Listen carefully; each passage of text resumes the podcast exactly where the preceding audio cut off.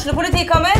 Ine Jansen er purk. Er du purk? The motherfucking bitch. Alt jeg vil, er å finne ut hva som skjedde med mannen min. Jon Carew. Er jeg sikta for noe? Iben Akeli. Det er du. Ole So, Lars Berrum og Big Daddy Karsten. Hvem sin side er du på, egentlig? Anette Hoff, Tone Danielsen, Kommer du fra Afrika? Jørnis Josef, Nesten. Kløfta. Trond Espen Seim, Det er synd å si det, men det var feil mann som døde. Purk.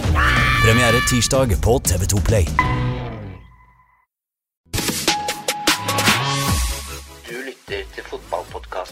Dødball. Da er vi tilbake i Dødballstudio, episode nummer 97, faktisk. Ikke dårlig. Fredrik Larsen, Hei. velkommen. Hei. Kristine Tovik, velkommen. Tom Nordli, Det er vel det eneste, deg. Takk. Det eneste 100-årsjubileet vi har vært med på, sikkert. 100 års. 100 episoder. Det er mer enn én i året, da. Det er, litt, det er litt tidlig å fastslå at det går bra enda, da. Ja. Jeg er bank i bordet. Litt sånn overtroisk på hjørnet her, så Får gjøre som Egil Søby, da. Han er vel 70 nå, men da han var 50, så holdt han av Telenor Arena til 100-årsdagen sin. Og sendte ut invitasjon. Så døde han, eller? Nei, han lever, han. Ja, han rakk å feire. Det er noen år igjen, ikke- det er noen år igjen da, hvis han er 70. Ja.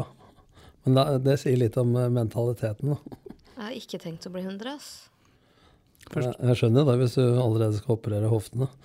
Slipper å operere, men det Første og foreløpig eneste gangen jeg har tenkt på hva jeg skal gjøre på 100-årsdagen, det var da jeg fikk førerkort. I gamle dager så fikk du jo førerkort uh, som varte i 100 år. Det var 2068 skulle mitt gå ut. Og da tenkte jeg da den gleden av å gå og fornye førerkortet da, etter at det har vart i 100 år. Men nå varer det jo ikke så lenge eh, lenger. Jeg tror det er greit. ja, det tenker jeg er helt ok.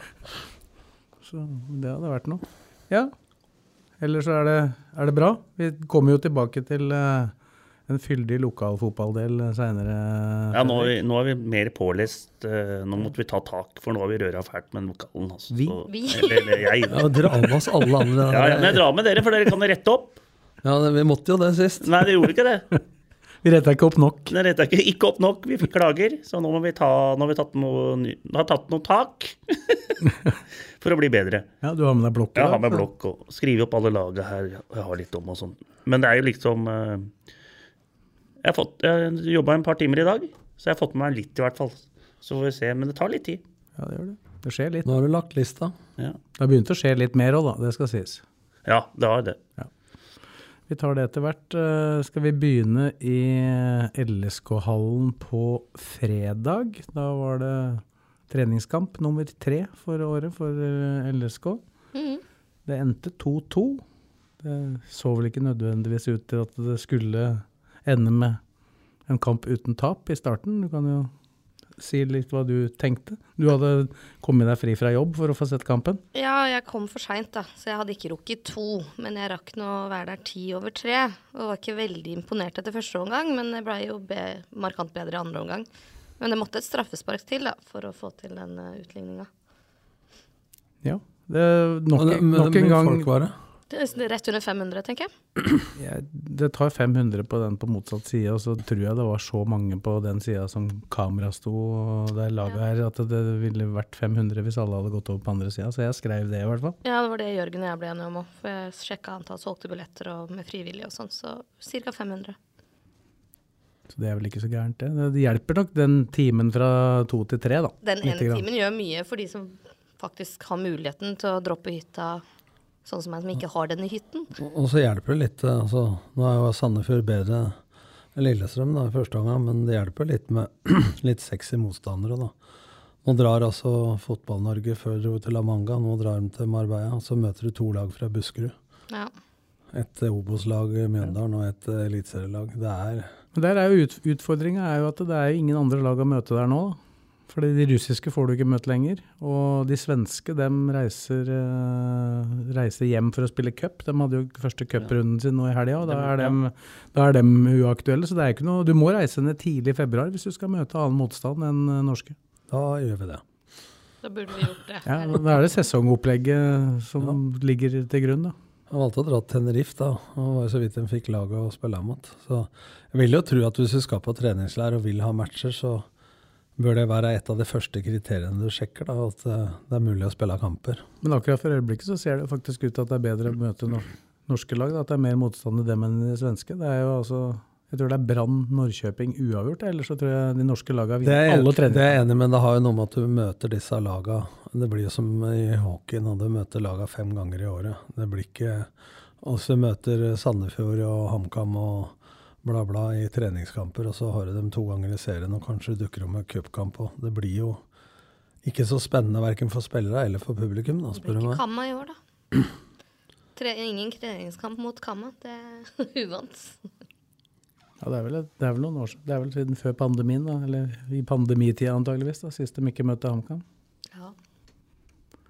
Så, men øh, valgte jo nok en gang, og det har har vel for så vidt øh, treneren sagt, at de skal spille med Eller fordele spilletida på, på troppen, da. Det ble to skal vi si, egentlig relativt like lag. Eh, Sandefjord gjorde det litt annerledes. De øh, hadde to kamper, øh, hadde kamp både fredag og lørdag, så de kjørte jo de som starta i LSK-hallen i alt fra Ja, det var, var vel to bytter i pausen, og så bytta de noen etter 60 og noen etter 75. Så de, de tyna jo den startelveren sin litt lengre. Men jeg tror Lillestrøm skal begynne å tenke litt på å få samhandla et lag. Så jeg er litt skeptisk til hvor lenge de skal gjøre det. Og så er jeg skeptisk til at når du har fem stoppere, seks med Tønnesen, og det ser ut som hittil har de spilt bare backfirer. Ja. Så jeg syns uh, Slipper inn mye mål da, i hver kamp. Og jeg syns uh, det ikke fungerer veldig bra med to stoppere. Spørs hvilke to som spiller sammen, da, men uh, jeg syns jo For å ta det, da. Det jeg så i første omgang, det er noe av det dårligste jeg har sett på lenge i forhold til lagorganisering. Det var altfor lett å spille gjennom Lillestrøm og rundt Lillestrøm på sidene. Så de greide verken å ha aggressivt press nok, som gjør at midtbanen blir i tvil om de skal stå opp i forhold til spissa, eller om de skal falle av sammen med bekkerekka. Så da blir det strekk i laget i lengderetningen. Og når de da komprimerer veldig mye for å få press på ballfører mot ei side, og de ikke greier å presse, så er det vending, og så er det veldig mye plass på sidene. Så Sandefjord var jo klasse bedre enn Lillestrøm i første omgang, og det var tynt. ja, vi ble rundspilt i første omgang. Det er jo mange som har lyst til å gi opp hele sesongen Og jeg allerede etter den kampen der i går. Jeg trodde jo at uh, på papiret lagoppstillinga i første omgang skulle være bedre enn den i annen.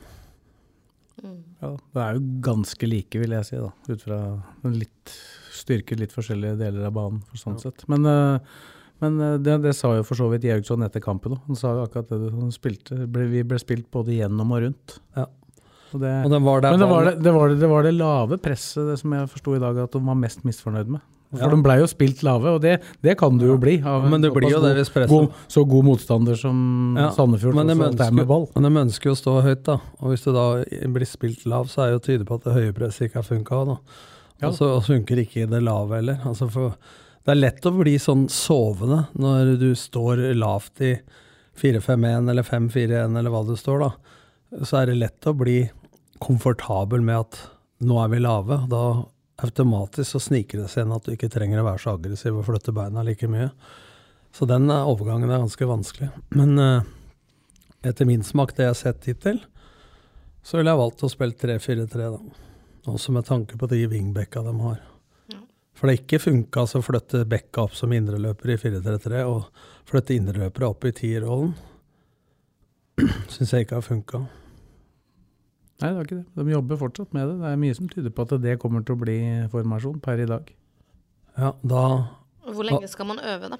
Men når du har fem midtstoppere som holder eliteseriekvalitet, etter min mening, pluss Tønnesen seks, og hvis du skal ha to på banen av gangen, så bør de gjøre noe Hvis det blir bestemt, så bør de gjøre noe i Da har du for mange forsvarsspillere eller stoppere, og så har du for få oppe på topp. Hvis du snur på det, hvis du har fem-seks stoppere og skal spille med to, men så kan de ikke hente inn flere spisser, for de har Thomas Lene osv. Og, så og så utfordrer Skogvold og ja, Aasen eller Fura.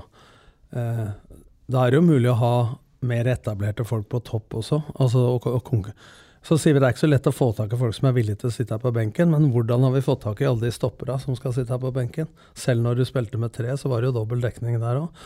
Så hvorfor kan man ikke ha dobbel dekning på topp? Nå så får vi se, da, hvis til torsdagen etter kampen om Kitolano blir klar, som du meldte sist, Sves. Men jeg, altså min erfaring er at eh, Det er ikke bare å knipse 1. mars og så 1. april. På én måned så har du samhandla et lag i en ny formasjon. Så jeg ville ha aber snell eh, begynt å sette av de 14-15 som skal være mest på banen. For nå har eh, mange fått eh, spilletid i tre kamper.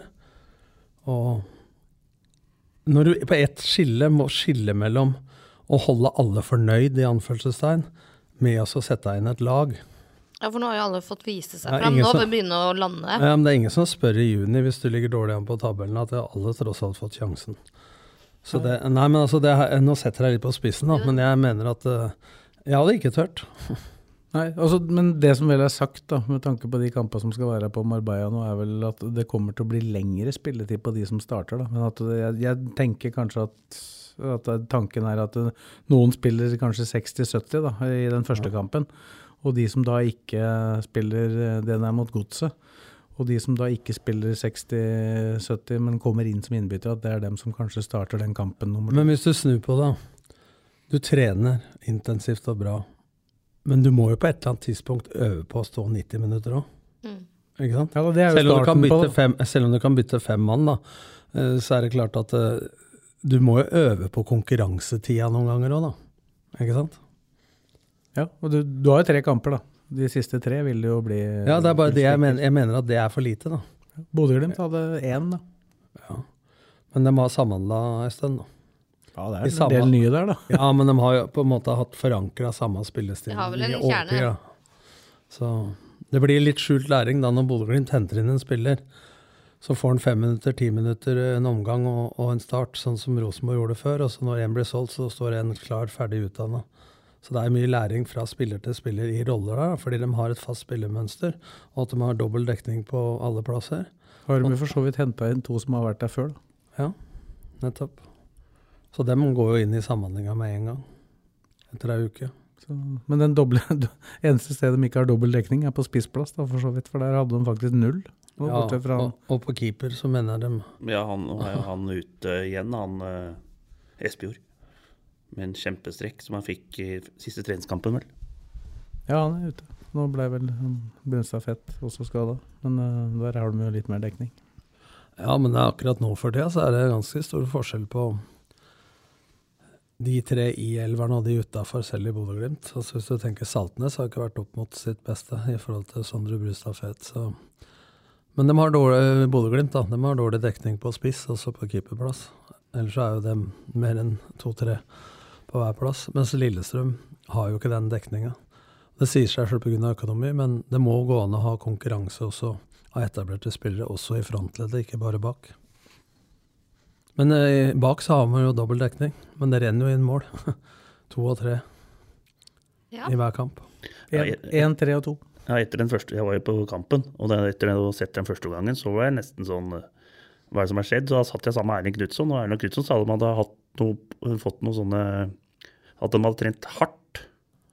At de hadde trent hardt forrige uke, så de måtte Eller før den kampen, at de hadde måttet ta én dag rolig. Men det må jeg bare si.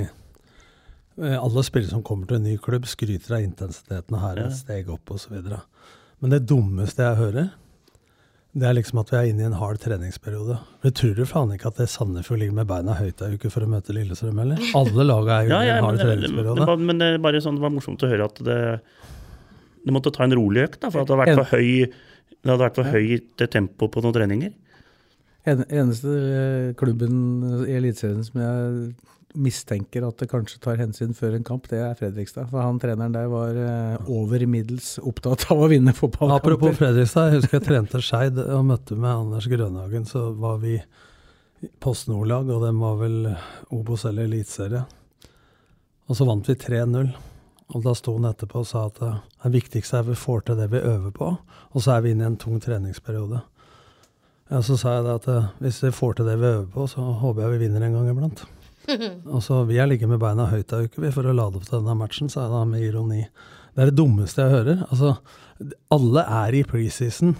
Noen tjener kanskje 5-10% mer eller mindre, men det er, det, er, det er bare årsaksforklaringer, unnskyldninger, istedenfor å se på faktisk hva som blir prestert. Nå sier ikke at ikke Lillestrøm gjør det, men dette er sånn gjennomgang av for- bortforklaringer. Jeg, jeg ser ingen grunn jeg, til at du ikke skal øve på å vinne gjennom vinteren nå. Altså Resultatet er ikke først pri, det er utvikling. Men hvis man utvikler seg, så fører det til det. Og hvis du bytter hele laget i en pause hvis, La oss si at førsteelveren i første omgang, da. Og så hadde du bytta alle. Ja vel, da kunne du heller sett på resultatet etter én omgang.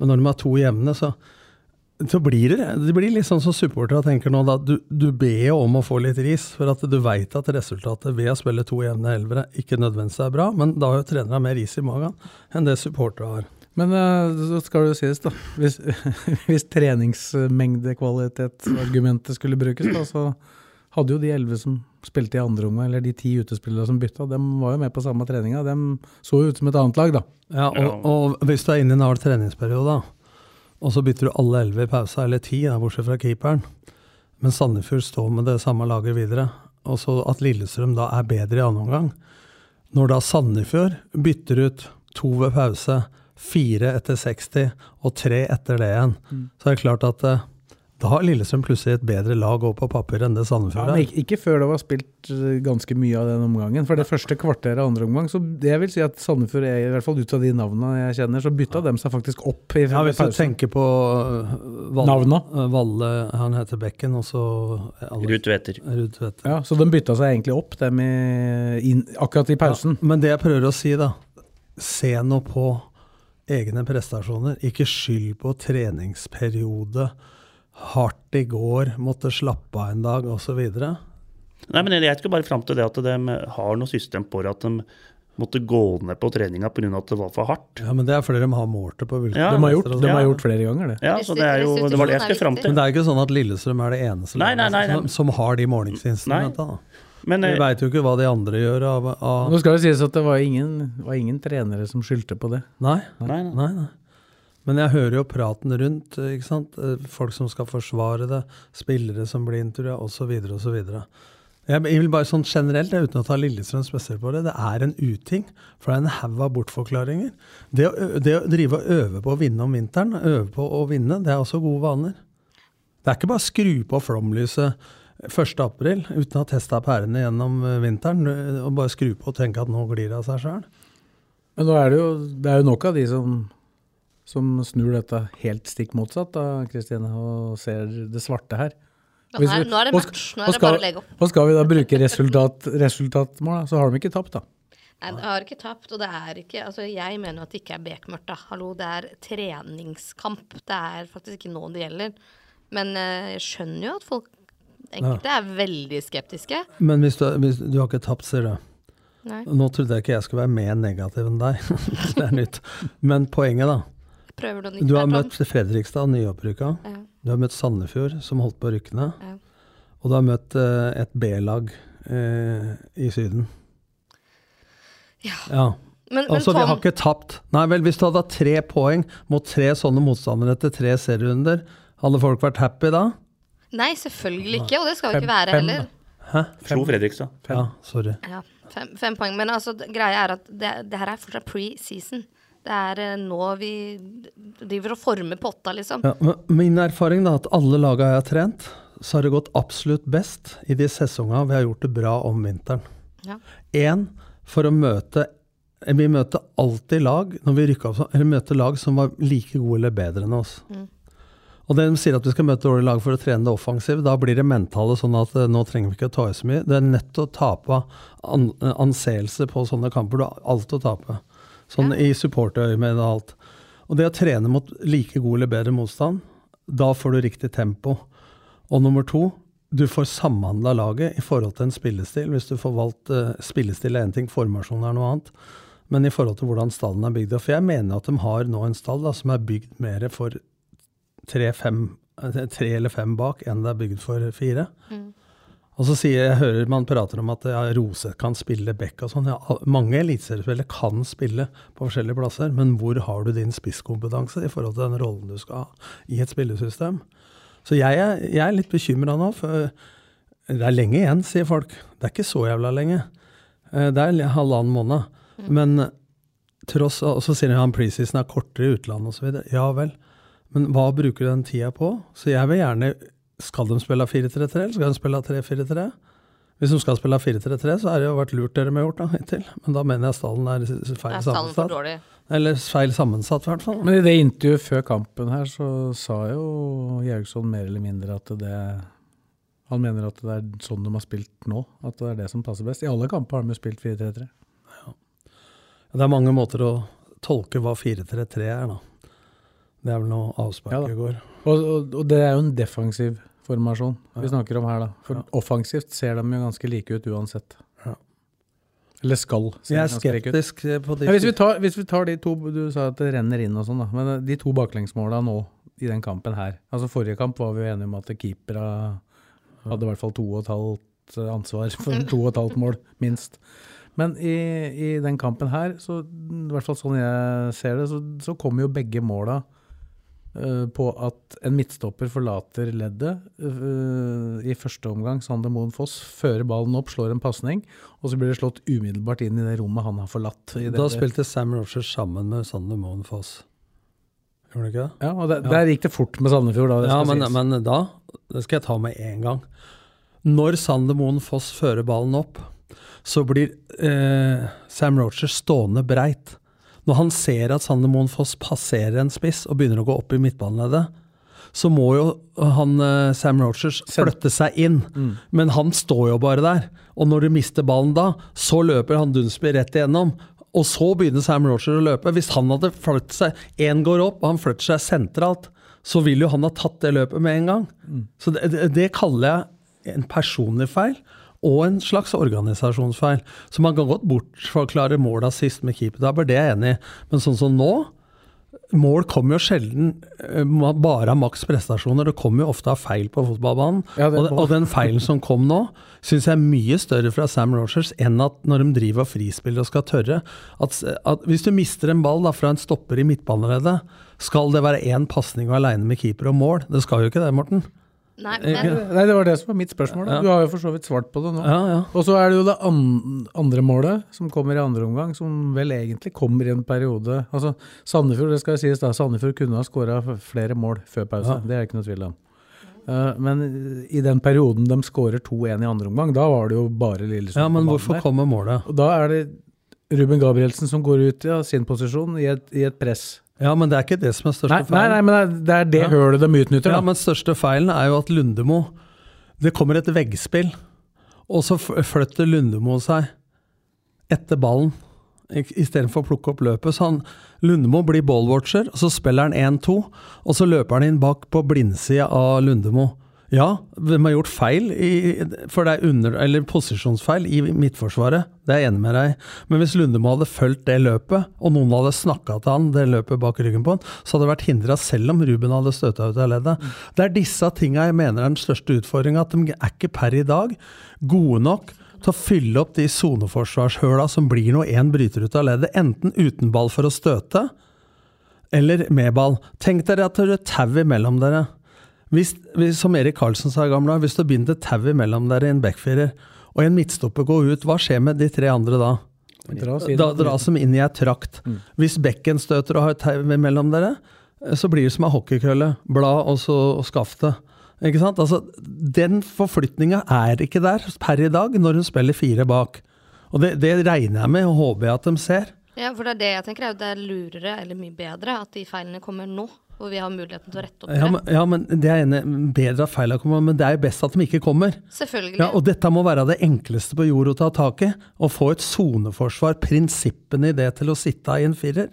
Ja. Det skal ikke ta lang tid med spillere på det, det nivået her. Så jeg er kritisk til den backrekka. Ikke en nødvendigvis enkeltspiller sånn, men hvordan de fireren fungerer sammen. Og spesielt nå når de kanskje ikke spiller de fire som eventuelt har tiltenkt å spille der. Det er derfor jeg mener skal du spille av fire bak, så begynner det å haste med å sette av en førstefirer og så to utfordrere, f.eks. En førstetreer på midten og to eller tre utfordrere. Og en spisstreer med to eller tre utfordrere. Og så får de spille av 60, som Morten sier, da, og så slippe til en halvtime. Men det jeg er imot, er at hvis du spiller en elver i 60, så vil alltid de nest beste komme inn sammen med de andre nest beste. Så hvis noen skal slå seg inn i laget etter å begynne å trene mye samhandling, så må du kanskje ikke bytte alle på én gang. Men ikke sant? Bytte en høyrebekk med en høyrebekk, men ikke bytte hele backrekka av gangen. Det er sånn jeg mener. for du ikke Ja, for du får ikke sett de nest beste sammen med de beste. For fotball er jo et lagspill, så du kan ikke bare se individuelt, men du må jo se på hvem som er gode sammen med hvem. Så jeg syns dette Ja. Jeg har trua på dem, jeg. jeg trenere. Ikke, Jeg ikke hører mis- dette. Nei, men ikke mis... Nei, men, men jeg, på, jeg, påpe, Fryktelig sugen, nei, da. men jeg påpeker jo faglige ting. Ja, ja, nei, og jeg har ikke sett treningene. Men jeg uttaler meg bare for det de viser meg i kamp. Er i backrekka og hele lagets defensive eh, beinforflytting og struktur, med avstander i laget. Jeg prøver bare å være litt positiv, jeg, siden det er beinkaldt Ja, og mørkt. men, men du mener at dette ikke var enkelttilfeller i kampen? At det var flere av de Ja. samme type Ja, for det er flere ganger jeg har sett i de matcha. Ikke så mye på denne i Spania, for da var motstanderen eh, ikke over midten omtrent første gang. Men jeg har sett tendenser mot det både mot Fredrikstad og, og nå, hvor det er tilfeller også ikke blir straffa på det. Men jeg ser det. For jeg sitter ofte og ser ikke nødvendigvis der ballen er, men hvordan man beveger seg i forhold til hverandre. da. Så jeg mener at det er for stor avstand mellom første og annenforsvarer, mellom annen og tredjeforsvarer osv. Ja, det har du vel påpekt før òg, så det Ja. har blitt noe bedre. Så det tauet, da, sånn visuelt sett, det tror jeg alle lyttere skjønner. Hvis du har en strikk eller tau imellom deg. Hvis én rykker, så rykker de de andre òg. Husker Carlsen, han begynte Ja, strikke ja. strikk imellom folk. Han. Nei, Og nå- Kåvan hører dette, for da blir han høy og mørk Nei, igjen. hockeykølla hockeykølla og tauet. Den har vi hørt om noen ganger. Ja, men det er, men det er, eh, Det er det er ganske bilde. enkelt. Ja, Ja. veldig bra bilde. Jo, men jeg, jeg har jo sett lag som har trent med tau, og jeg. Ja. Når de er 13, første gangen de skulle spille elver. Du skulle sett på D-kurset i gamle dager, nå Uefa A-lisens, så la jeg ut motstandere som ti baller. Og så ropte vi ball først bare i leddet. Ikke sant? 1, 2, 1, 2, 3, 4, 1, 2, 3, 4. Så ropte jeg et tall, og så skulle bare laga bevege seg for å se bildet, hvordan formasjonen skulle være. Først da med fire i hver, altså for mange spillere, men sånn at du ropte 1, 2, 3, 4. Og så tok, du én til ti, altså motstander. Så skulle, hvis da spissen gikk, så måtte midtbanen følge etter. ikke sant? Og da sa han du kan ikke gjøre av det, Tom. sa. Etterpå så er det mange som har gjort det. For det, du ser hele bildet, da. Du stopper akkurat som et eh, foto. da. Sånn skal det se ut. Se rundt dere. Hvorfor står du Hilsen Erik Karlsen, Joe Hooley osv. Tom Lund, hvorfor står du der? Så tror alle det er feil. Nei, du står riktig, men er du bevisst at du står riktig? Veit du hvorfor? Ja. Ja. Det er Bevisst. det vi ønsker, at de skal bevisstgjøres og programmeres til å agere riktig i enhver ja, situasjon. men men er det, hvorfor tror du at Bodø-Glimt-spillere ikke lykkes så mye individuelt i utlandet? Men lykkes her, for de er ikke så mye bedre enn spillere i Lillestrøm. Men de har spilt et system, og de veit alt de skal gjøre. Offensivt, hverandre defensivt, kontringer, returløp, alt mulig. Fordi de har dette gjennomsyra. Og så sier de da blir det så forutsigbart og det moderne nå at alle skal være så pragmatiske. Og så sier de at i VM så var Argentina det laget som bytta formasjon flest ganger. Ja, men det er en annen level på de spillerne. Ikke sant? De tar inn lærdom fortere på universitetet enn i barnehagen nå. Ja, jeg merker det der. Det var, det var jo Peter Belsvik det som uh, skåra sitt første mål for, uh, for Rosenborg mot Lillestrøm på Lerkendal. Og var jo strålende fornøyd selvfølgelig at han hadde putta. Kommet til en stor klubb fra Stabæk. Så kom Fikk- Eggen. Fikk, kom Egen inn og ga han kjeft. Du skal ikke stå der, Petter Belsvik! Nei. Og hvis du skåret og skulle ha spilt ballen Ja, men Poenget er da at eh, uansett hva du velger og mye du bytter formasjon, gjerne bytte for meg, men da må alle vite arbeidsoppgavene sine. Og Eggen sa en gang hvis du strukturerer A, B og C, så er det mye lettere å være kreativ på D og E.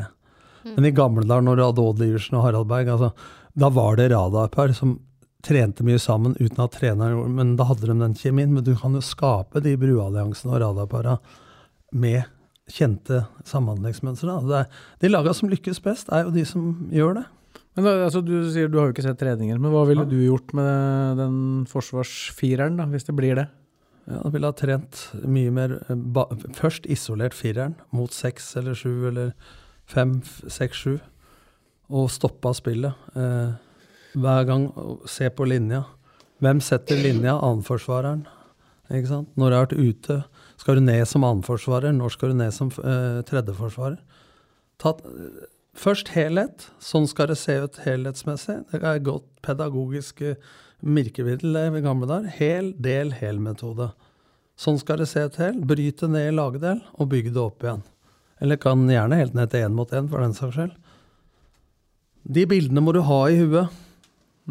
Og det og, mange fotballspillere og trenere tenker at dette kan spillere. Men alt vannes ut hvis de ikke øver nok på det. Jeg sier ikke at ikke Lillesund gjør det, nå snakker vi generelt, for jeg har ikke sett noen treninger. Men i hvert fall det de viser i kamp foreløpig, mener jeg ikke er organisert eh, At det ikke er godt nok organisert, verken i leddet eller individuelt, da, taktisk. Men du som er på treningen, Sves, hvordan er dette i forhold? Ja, de øver jo på treningene. Jeg håper det. Repetisjon er jo nøkkelen til mål. Ja, men, Men i forhold til hvordan Tom mener de burde trene, da? Så nei, det blir jo litt vanskelig, for jeg veit ikke eksakt hvor. De, de har ikke noe De trener jo veldig mye 11 mot 11. Ja. Og da, men i forskjellige typer banestørrelser. Og det forskjellige. I dag øvde de jo blant annet en del på, på det lave presset. men hva er ulempen med å spille 11 mot 11 på Det er mange som gjør det på mindre avstand. Jeg Ja, de, de har jo riktig, hadde stort sett riktig bredde, da. Ja, for jeg mener at det, eh, det er viktig å trene uansett mange spillere på banen, da, med, med samme type romforhold som du vil få i match. Ja, hvorfor trener de ikke på stor bane når de spiller 11 mot 11? De, de gjør jo det ganske Ja, men Det bør de hele tida. Men det er jo belastningsmessig de Ja. tenker på det. Da. Men, eh, men jeg er bare sånn rent, hvis du isolerer det rent formasjonsmessig, det å være vant til samme type tid og rom som du har i kamp Men det er innimellom så kan du trene på trangere områder for at du trener oppfattelse, vurdering og bestemmelse og handling. Eh, du må gjøre det raskere hvis det er trangere. Vil du ha spill i lengderetningen, så lag banen lang og smal. Vil du ha innlegg så, og dueller, så lag en kort og brei. Altså, Ja, det handler jo veldig mye om, å spille seg gjennom, gjennom ledd. Da. Det er veldig mye det det har gått på. I dag hadde de jo da fire mål, to i hvert hjørne. På halve banen. Ja, men det er det offensive, ikke sant. Mm. Men så er spørsmålet det, er det, det jeg ser nå, er jo det defensive. Og jeg mener at grunnlaget for mye godt offensivt spill og kontring og sånn, er jo hvor vinner du ballen, og på hvilken måte vinner du ballen. Han, jeg snakka med han etter den kampen på Fredrikstad, så han ønsker jo mer gjennombruddsprosess osv. Men hvis du da blir spilt lav, da vinner ballen stort sett på egen baneholde eller langt ned mot 16, så er det andre typer måter å angripe det på enn når det er i etablert angrep. Det du har sett offensivt, da. De har jo i hvert fall skåra stort sett De har skåra ett mål mer enn motstanderen da, i løpet Ja. av de tre kampene. Det har vært eh, noe veldig bra angrep som ikke har blitt mål, og så har det vært en del gode individuelle prestasjoner. Men jeg har ikke sett så mange sånne samhandlingsmål, da, sånn klikk-klakk. Er liksom, men de har hatt det de gangene presset har funka det høye, sånn som når Furao vinner ballen, stjeler ballen osv. Og, så og den der mot Tenerife, hvor de, eh, de er dristige i Tenerife, og de snapper ballen i det høye presset. Da får de jo igjen for når presset funker, ikke sant. Men jeg har vært mer opptatt av når Lillestrøm er i etablert forsvar, i lavt press, og backrekka skal være intakt, da har det vært- for lett å skape mål og sjanse på LSK, mener jeg da. Men hvis vi tar annenomgangen nå, så var jo Henrik Skogvold ble vel spilt fri i hvert fall tre ganger. Den Den ene var jo et langt utspill fra Mats Hedenstad Christiansen, og så var det eh, Løkke som la ut til Eskil Ed, som spilte gjennom den, som han, den største sjansen han fikk. Ja, Og så var det en gang Roseth spilte den gjennom. Og da var tendensen til det vi, han snakka om Georgsson etter kampen mot Fredrikstad, med gjennombruddsvisshet, eh, bedre. Så jeg syns tross alt at det har sett bedre ut offensivt, men jeg syns de har skapt litt for lite sjanser, da. Også Ja, hvis du ser bort fra Tenerife, da, Ja, ja. var en Men der har du det som jeg prata om om Skogvold. At han, han var helt på blank. Jeg sitter her. Den skal han skåre på, den han får fra, det fra Eskeled, det er vel. Ja, det er Ed som slår Ja. gjennom den, ja. Der er det så ledig borte lengst i hjørnet, så den setter alle spissa i, i Eliteserien. Jeg bør det. Ja, bør sette av den. Så Han er treffer han jo rett og slett i beinet. Han har jo en fantastisk hurtighet, og så er han igjennom. Han kan jo bare bryte inn et par ganger der, og så er han aleine med keeperen. Ikke være redd for å bli tatt. Og da stopper han opp, og så skal han gå inn i banen isteden. Mm. Han må ha trua på den farta si, og bare gå. For at hvis du bare fortsetter, hva er det verste som kan skje?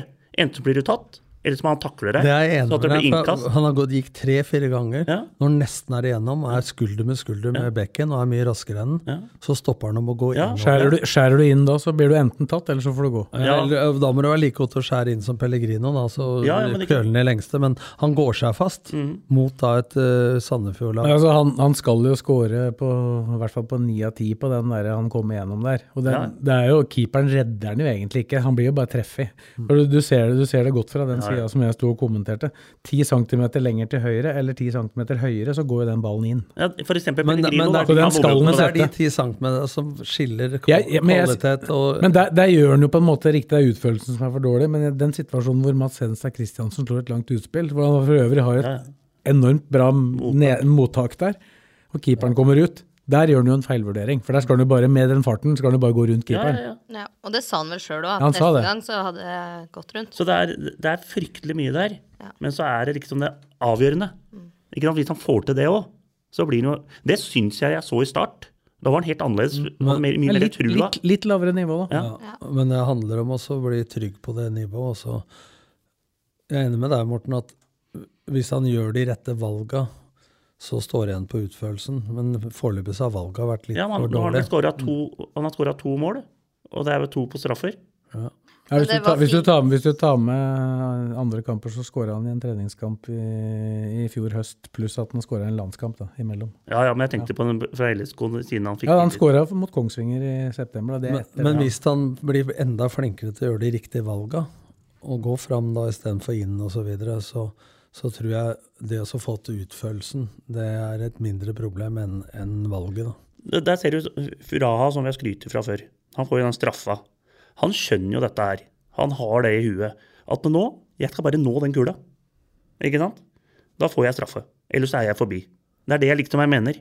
Ikke sant? Skjønner du hva jeg mener? Men han, han har jo også slitt med utførelsen på andre laget. Ja, Han Men, han- men han går for det mer fryktløst. Ja, ja. Men jeg syns jo Skogvold er innmari fryktløs litt lenger ned i banen. Så måten han starter på har blitt bra. Timing. ikke sant? Når det er støttepasning i laget eller rettvendt ballfører, så starter han. Han er en av de flinkeste til det. Han er en av de flinkeste i press. Men så blir han litt heit. Altså, det koker litt. eh, Og det kan jo ha noe med Han, han påstår det sjøl at det ikke er påvirka, men det kan jo ha noe med antall skåringer å gjøre. Det var liksom, Han hadde jo den der offsiden på Ruben Gabrielsen som hindra han i at han fikk det ene målet mot Brann, f.eks. Han skåra jo egentlig, men Gabrielsen hadde vært Men, men han, sier, han sier det at eh, det ikke er prega kanskje. Men når han sier at 'dette trengte jeg', så sier han jo mellom linjene at det var viktig for ham å score. Han, han, han sier jo han har nullstilt seg. Nå er det ny sesong, ny tavle. Men han har jo prøvd såpass mange ganger i den kampen her uten å få det til, at da blir det deilig å få det målet. Ja. Ja. Det er jo det han sier. Ja, det samme, du skårer bare. Ruben Gabrielsen var jo helt fast bestemt på at han skulle ta det straffesparket. Han skulle ta den. For det var jo, Skogvold gikk jo og henta ballen, og så sa bare Ruben at denne skal jeg ta. Og så tror jeg Ruben så på reaksjonen til Skogvold, så tenkte han ja, han har jo spilt, spilt en veldig god kamp. Men du dag, altså, sa, han trenger, men du trenger sa det jo som kommentator, og du, at eh, normalt nå i LSK, i hvert fall mange lag, så er det Gjermund Aasen pleier å ta ballen, han skyter jo ikke straffa. Men det var ikke sånn nå. Nei, nei, for at jeg tenkte sånn, han så så bestemt ut, Ruben, at jeg tenkte han har ikke tenkt å bare gå fram og så legge den fra seg. Nei. Men det var- jeg synes det var fint av Ruben å la Skogholm få ta den, jeg. Jeg så på han, sa han må jeg etterpå, så så jeg at uh, han begynte å henge litt med huet der. Han da- trengte den mer enn da- meg, tenkte da, Ruben. Da fikk han den. Ja. Og det da- viser jo at han er en god uh, leder også. Da er det jo viktig at han scorer, da. For det er klart, ellers så virker det jo egentlig Blir det jo dobbel effekt. Men veien. det viser jo at han fortsatt tross alt har en selvtillit. Da. Når han, hvis han hadde vært totalt blotta for selvtillit, og det hadde prega ham for mye, det han har gjort, så hadde han jo ikke gått fram og rekt opp hånda og sier 'jeg skal ta han'. Men han sier nå må dere gi meg denne, for nå må jeg sette den. For nå har jeg hatt så mange andre sjanser jeg ikke har satt. Men jeg syns ikke, jeg syns ikke vi ser et LSK-lag med stor L enda.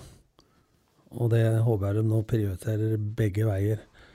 Og så håper jeg at eh, de gjør noe spillelogistikkmessig. Hvis de bestemmer seg for å spille 4-3-3, så mener jeg at stallen er litt feil sammensatt. Ja. Eller for mange på noen plasser, da. Men åssen Da kan jo vi- jeg, hopp, jeg er programleder, jeg nå. Vi Ja. hopper over da til Kitolano er Har det? vi signert Lucky, da? Lucky så ble fem år, så jeg. Han er signert. Han har lengst kontrakt i LSK, han nå. Ja, akkurat for øyeblikket. Jeg likte intervjuet med henne, for Han er morsom, altså. Ja, men det var bare sånn Ja, fem år. Men det var liksom ikke snakk om at eh, her skal han være livet ut. Nei. Det var, det var bare sånn at ja, dette er en begynnelse på min reise i Europa. Han viste, han viste jo en herlig selvtillit. Han takka Lillestrøm for at nå, nå er han proff snart i en større klubba. Men Han må spille først her, da. Ja, men det er helt nydelig. Det er sånn liker vi. Det er den derre Her kommer jeg, nå er min mulighet her. Kjør.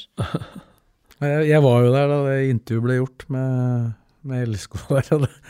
det, Mesvin kom, eh, kom tilbake fra intervjuet med i latterkrampe, nærmest. Ja, men det så jeg, altså, men når jeg så sjølve intervjuet, det må ha redigert noe der. For det, jeg forventa meg det kom i intervjuet. Det var ikke så jævlig. Nei, han han prata seg varm der, da. Ja, Ikke noe, han, var, han var tøff til å takle. Ikke rød kort. Ikke rød kort. Nei, nei, han takler hardt, men ikke noe kort. Det, det, hvordan får han til det i praksis, lurer jeg på. Han hadde relativt tøff den taklinga han satte inn mot Fredrikstad der når han var inne på andre omgang. Men han, har- han har spilt tre omganger og vunnet alle, da. Nei, Det blir morsomt å se utviklingen. Det er jo, hvis det fortsetter, Tom, så i, i hockey, ja. for å dra inn det, så hadde det, det vært en bra statistikk. Ja, ja, ja. Da hadde du fått spilt. Ja, da spiller du. Da er du god på pluss-minus-statistikken. det er flink til å tenke sånn, da. For når Fredrikstad rykka ned, så hadde Raymond Kvisike følt seg sjøl vært jævlig god han hele sesongen. Nei, men Hvis du ser det sånn, det er sånn i hockey. Da er det- pluss, ikke sant? For at da er på banen når du skårer. Men jeg er opptatt av laget. Ja, men det er viktig. Ja. Men han, For han sikkert. det var forresten ikke han som sa det, det var jeg som eh, fant ut det, eller hadde det i huet. Sander Moen Foss hadde jo heller ikke sluppet inn mål før i helga. Eller på fredag. Ja, nå hjelper hun telle litt med det. Hjalp det litt. Jevne ut statistikken litt. Men det må jeg si, altså. Det må gå an å Sam Roger, som har en del fysiske kvaliteter eh, og ålreit med ball og sånn, det må gå an å få lært han. Altså markering i egen boks og rene soneprinsipper. Så jeg syns jo ikke for å henge den ut, men jeg syns jo den som spiller sammen med han, det er forsvar. Om det er Ruben eller samme hvem som har spilt sammen med han, så er det mer usikkert enn når Mon Foss eller annen spiller med noen andre, da. Ruben Mon Moen Foss, for eksempel. Altså, Ja, det var Ruben og Roseth som spilte i andre omgang da Ja. den andre goalen kom. da. Du mente at Lundemo hadde mer skyld i den? Nei, jeg sier at den er I utgangspunktet er det jo en stopper som går ut av leddet, men Ja, men det, ikke, det, det må jo kunne skje uten at det Ja. er feil. Ja, men hvis du tenker deg en firer nå, tenkt visuelt her nå Hvis du går ut med en bekk og støter, så skal det være hockeykølle, ikke sant? Hvis da stopperen går ut samtidig med bekken, så blir det det, hvis du tenker dere to høye og to lave, Det var vel det som skjedde ja, her, da. og da blir det høl mellom de to stoppera, og så blir det et veggspill. Men for å hindre det, så kunne Lundemo ha orientert seg bedre sjøl, men også noen kommunisert at han kunne fulgt veggløpet, da, ikke ballen. For han er totalt ballwatcher på det. Men feilen er jo at man går ut av leddet med to samtidig. Det er sånn soneprinsipper, så er det jo én av fire som skal støte. Enten midten, en av de to i midten, eller på sida. Og da skal det være snorrett. Åssen blir denne snora di hvis det to går ut samtidig? Da blir det helt skeivt, da. Ja, da blir det Dette er radio, men da blir det sånn. To høye og to lave. Med diagonal 2-2 imellom. kaller vi det, ikke 1-3. Soneforsvar en firer er 1-3. Ja. Alltid én Men ut. dette blir 2-2. Og det, det verste er hvis du møter to spisser, og du havner sånn, så drar et løp ut, og da blir midtstopperen også dratt ut, så er du 1-1 i boksen. Det er jo det som ofte skjer når folk gjør den feilen, at de er veldig sårbare for vegg og innlegg. Godt utnytta av Sandefjord, da. De to Ja. Effektivt og bra, men unødvendig av LSK. Det er, jo, det er jo første gangen Sandefjord har beholdt litt spillere fra året før. Da, så man ikke, trenger ikke å spille inn et helt nytt lag. Det var vel egentlig bare stoppere de, de har mista. En til Lillestrøm og en til Strømskose. Han så ikke så gæren ut, han som de har fått fra Bodø-Glimt. Han Kristiansen. Han er bra, han. men han må ha jo noen stoppere oppe i Bodø òg. Ja, ja. Fem, seks, sju stykker. Ble blir straffa. Det ble straffa der på slutten òg, Ja. mot Ajax. Så Nei, når det gjelder spillelogistikken, ja. Du, var, du, Ja. Du du, vil, du vil ha oss over dit, du. Det var det jeg prøvde. Ja, da Nei, det er ikke noe det er ikke, med, min, med mindre Kitolano blir skada på torsdag, så kommer jo han til Lillestrøm-spillet på fredag. Ja. De oppa. Diop, han Det øh, er Molde der nå. Jeg vet, Han er- Molde meldte seg på i eh, Nei, det er feil. At Molde har meldt seg på nå, de har vært på hele tida, de. Ja. Molde har øh, lagt inn bud på han for lenge siden. Så det er ikke noe nytt. Det var bare at en gammel nyhet ble gjort som en ny. Men A- Atta ikke er agent. For Diop, ja. Og det er klart at hvis du ser på videresalgssummene fra Molde i snitt, bortsett fra Kor, da, eh, derfra kontra Lillestrøm, så Så løpet er kjørt? Så, nei, spørs hva agent tenker, da, og hvordan vi plasserer spilleren sånn karrieremessig. Det er jo større sjanse for at den får spille i Lillestrøm enn at den får spille ja, i skulle Molde. akkurat lede deg dit. Ja. Altså, det, er jo, det er jo det som eh, er den nøkkelen til, eh, til en agent. da, Å plassere en spiller riktig sted. Ja, og det, Atta pleier faktisk å være fornuftig, sånn at han ikke tar ditt og gir mest avkastning med en gang. men at han, Hans selskap pleier å være flinke til å være med og legge en karriereplan for spillere, da, ikke bare flest mulig salg. Altså du faktisk har mulighet til å utvikle seg, da. Ja. Og skinne. Det er jo det som er litt viktig. Hvis du skal selges videre. Men sånn det virker nå, da, så er det ikke, da skjer det ikke noe mer på overgangen. Det er, de er fornøyd med det de har. Ja, de- etter Kitolano kommer nå. Ja, altså, de, de har jo ikke Jeg tror ikke de, de har ikke gitt opp eh, de opp. Nei, nei, nei. Men eh, det er bare dem to, liksom, som eh, Nei, og så er det jo åpning for at det kan skje noe sentralt. Men der er det jo, der er det jo egentlig litt viktig å påpeke. Jeg ser jo det, det skrikes etter sentrale midtbanespillere. Altså, hvis det blir sånn, da, som vi har diskutert nå, den formasjonen som er nå, 4-3-3, så er det jo ikke behov for flere seksere. Eh, Nei, da må du ha eller altså, Det kan være behov for flere seksere, men da, for å sette på en måte perspektiv hva du er ute etter, da da er du ute etter noen som skal konkurrere med Vebjørn Hoff, og kanskje være bedre enn Vebjørn Hoff. da. Ja. Hvis du skal ha en, en som skal rett inn på laget, så skal den være bedre enn Vebjørn Hoff. Ja, og hvis de skal spille 4-3-3, så kan det hende at de, og de har Karlin, og de har Hoff, og de har Ibrahim Mai, så Lundemo veit jo ikke ennå. Så er jo like godt en indreløper de strenger, da. Like mye som en, en sekser. Ja, men i den formasjonen vi snakker om her, da, så vil jo Kitolano være en indreløper. Ja, for at det, da hørte jeg en eller annen på det, men lurte på hva han skulle spille. Han prata om Bing og sånn i 4-3-3. Hvis han spiller 4-3-3, så tror jeg han spiller indreløper, da. Ja, spiller- han vil stå i formasjonen som indreløper, Ja, men offensivt er han jo tier. Ja, ikke sant. Jeg tror heller han blir det enn at han blir en kant. Ja, kant blir nok neppe. Nei, jeg bare hørte noen spekulerte i det. Nei, det, det, tror jeg ikke. det er ikke Det er ikke det, Altså, nå, da, hvis vi tenker eh, antatte førstevalg i, de i den formasjonen per i dag, hvis Kitolano kommer, så er det jo Kitolano og Gjermund Aasen som kommer til å spille indreløpere ved siden av Webern Hoff, antagelig. Ja, da er Ibrahim Mai plutselig en av kantspillerne framme, da. Ja, eller da. Han, han kan jo spille i alle de rollene, han da. Også sekser. Ja, Han kan spille sekser og åtter, og kant. Det er indreløpet sentral og kant, da, for å ta det på norsk. Så, så det er jo det, for å liksom Hva de eventuelt leter etter her, så er det enten en som uh, Hvis de ikke finner en som er bedre enn Vebjørn Hoff, da. Da tror jeg at de like gjerne kommer til å signere Magnus Lundemo. Ja, og da tror jeg også at det, da må treneren nå bestemme seg for hva prioritert grunnformasjon må være. Det avgjør jo hva de leiter etter. da.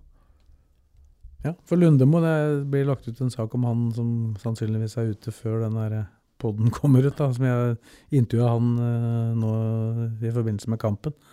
Og han uh, blir det jo en avklaring på, sannsynligvis. Det er ikke bestemt om han skal være med til Marbella.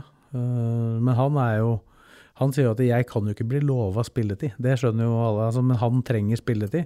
Så hvis han bare får beskjed om at han er en som de på en måte har trua på, så holder jo det for han. Ja, men Hvis han er nærme, da, som du mener, så får han signere han, altså melde selge han til sommeren hvis han ikke får noe tid. Ja. Hvem andre er det som eventuelt ikke skal til Marbella, da? Nei, det er vel ingen som ikke skal være med dit nå. Jeg regner med at de skal ha med de fleste, sånn som de hadde til Tenerife. Da var det jo borti 30 spillere med der. Det var liksom sånn at eh, ja, de, de tre som på en måte ikke, eller fire som på en måte ikke trener med laget nå, det er Oliver Henriksrud. Han har jo fått litt kjenning på Er han i Asdalen? Han er i Asdalen. Ja. Han har fått en kjenning i den hamstringen som han har slitt med, så de har tatt et par steg tilbake med han for å ikke risikere at eh, han får en alvorlig skade. Og så er det Garnås som fortsatt har den skuldergreia fra den Fredrikstad-kampen. Han, han er jo med å trene med laget, men han er ikke med når det er full kontakt. Da, for å si det sånn. Så han, er jo, han trener jo for fullt, men ikke i spill. Og Eh, og så er det Elkær som har vært inne i spill eh, noe. eh, og som eh, varierer litt om han er inne. Og så er det Vebjørn Hoff som så vidt også har begynt å være med lite grann. Når det er enkle ting. Knutson. Knutson han har trent for fullt en del dager. Bolly. Og Bolly trener for fullt. Men Knutson har ikke valgte dem å ikke ha med i kamp foreløpig, da. Så kan jo hende, Jeg tipper at Knutson sannsynligvis spiller vel fort sin første kamp i løpet av den turen i Marbella. At han kommer innpå. Hva er han tiltenkt som eh, hvis det er 4-3-3? På trening i dag spilte han høyre back. Da var ikke Hubert Charles med. Han han fikk jo en smell. Hvis du tenker backer nå, så har du Ed, Elkjær, Ranger, Tønnesen, Knutson, Uba. Jeg mener de har så mye bekker og stoppere at det er helt sjukt. Har det.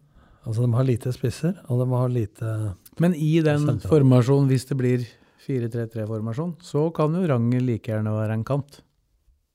Ja, ving, ja. Ving, ja. Altså, det Ed og det, vel. Nei. Han syns jeg faktisk var veldig bra når han kom inn. Han. Hvis Ed spiller, så er han jo mer en indreløper enn han er en Ja, for han er jo tidligere midtbanespiller. Ja. Akkurat for Ubert Charles og Ed så passer jo den formasjonen best. Jeg er litt mer usikker på Tønnesen. Hvis du, ikke får tak, hvis du har så mye bekker, da stopper du, så hvis du ikke får tak i noen som er bedre, da, så kan du begynne å tenke er Ubashas god nok som en åtter? Er Eskil Ed god nok som en indreløper? Det bør ikke være skrevet i stein at han skal være back resten av livet. Nei, det er jo midtbanespilleren har vært. eh, Ja, jeg vet. Men han eh, går jo i skytteltrafikk mellom venstre og høyre bekken på trening, da. Ja. Ut fra hvem som er med ellers. Og ikke noe nytt med kontrakt og Ed. Nei. Men han var rimelig sur på det etter den artikkelen, skjønte jeg. Han følte han var feiltolka og ble fremstilt som grådig. Det er mulig. Jeg tror ikke jeg skal kommentere så mye. Da kan jeg bare kommentere at de får være klar over hva de sier. Ja, men han følte det var tatt helt ut av kontekst. Jeg hører du sier han følte.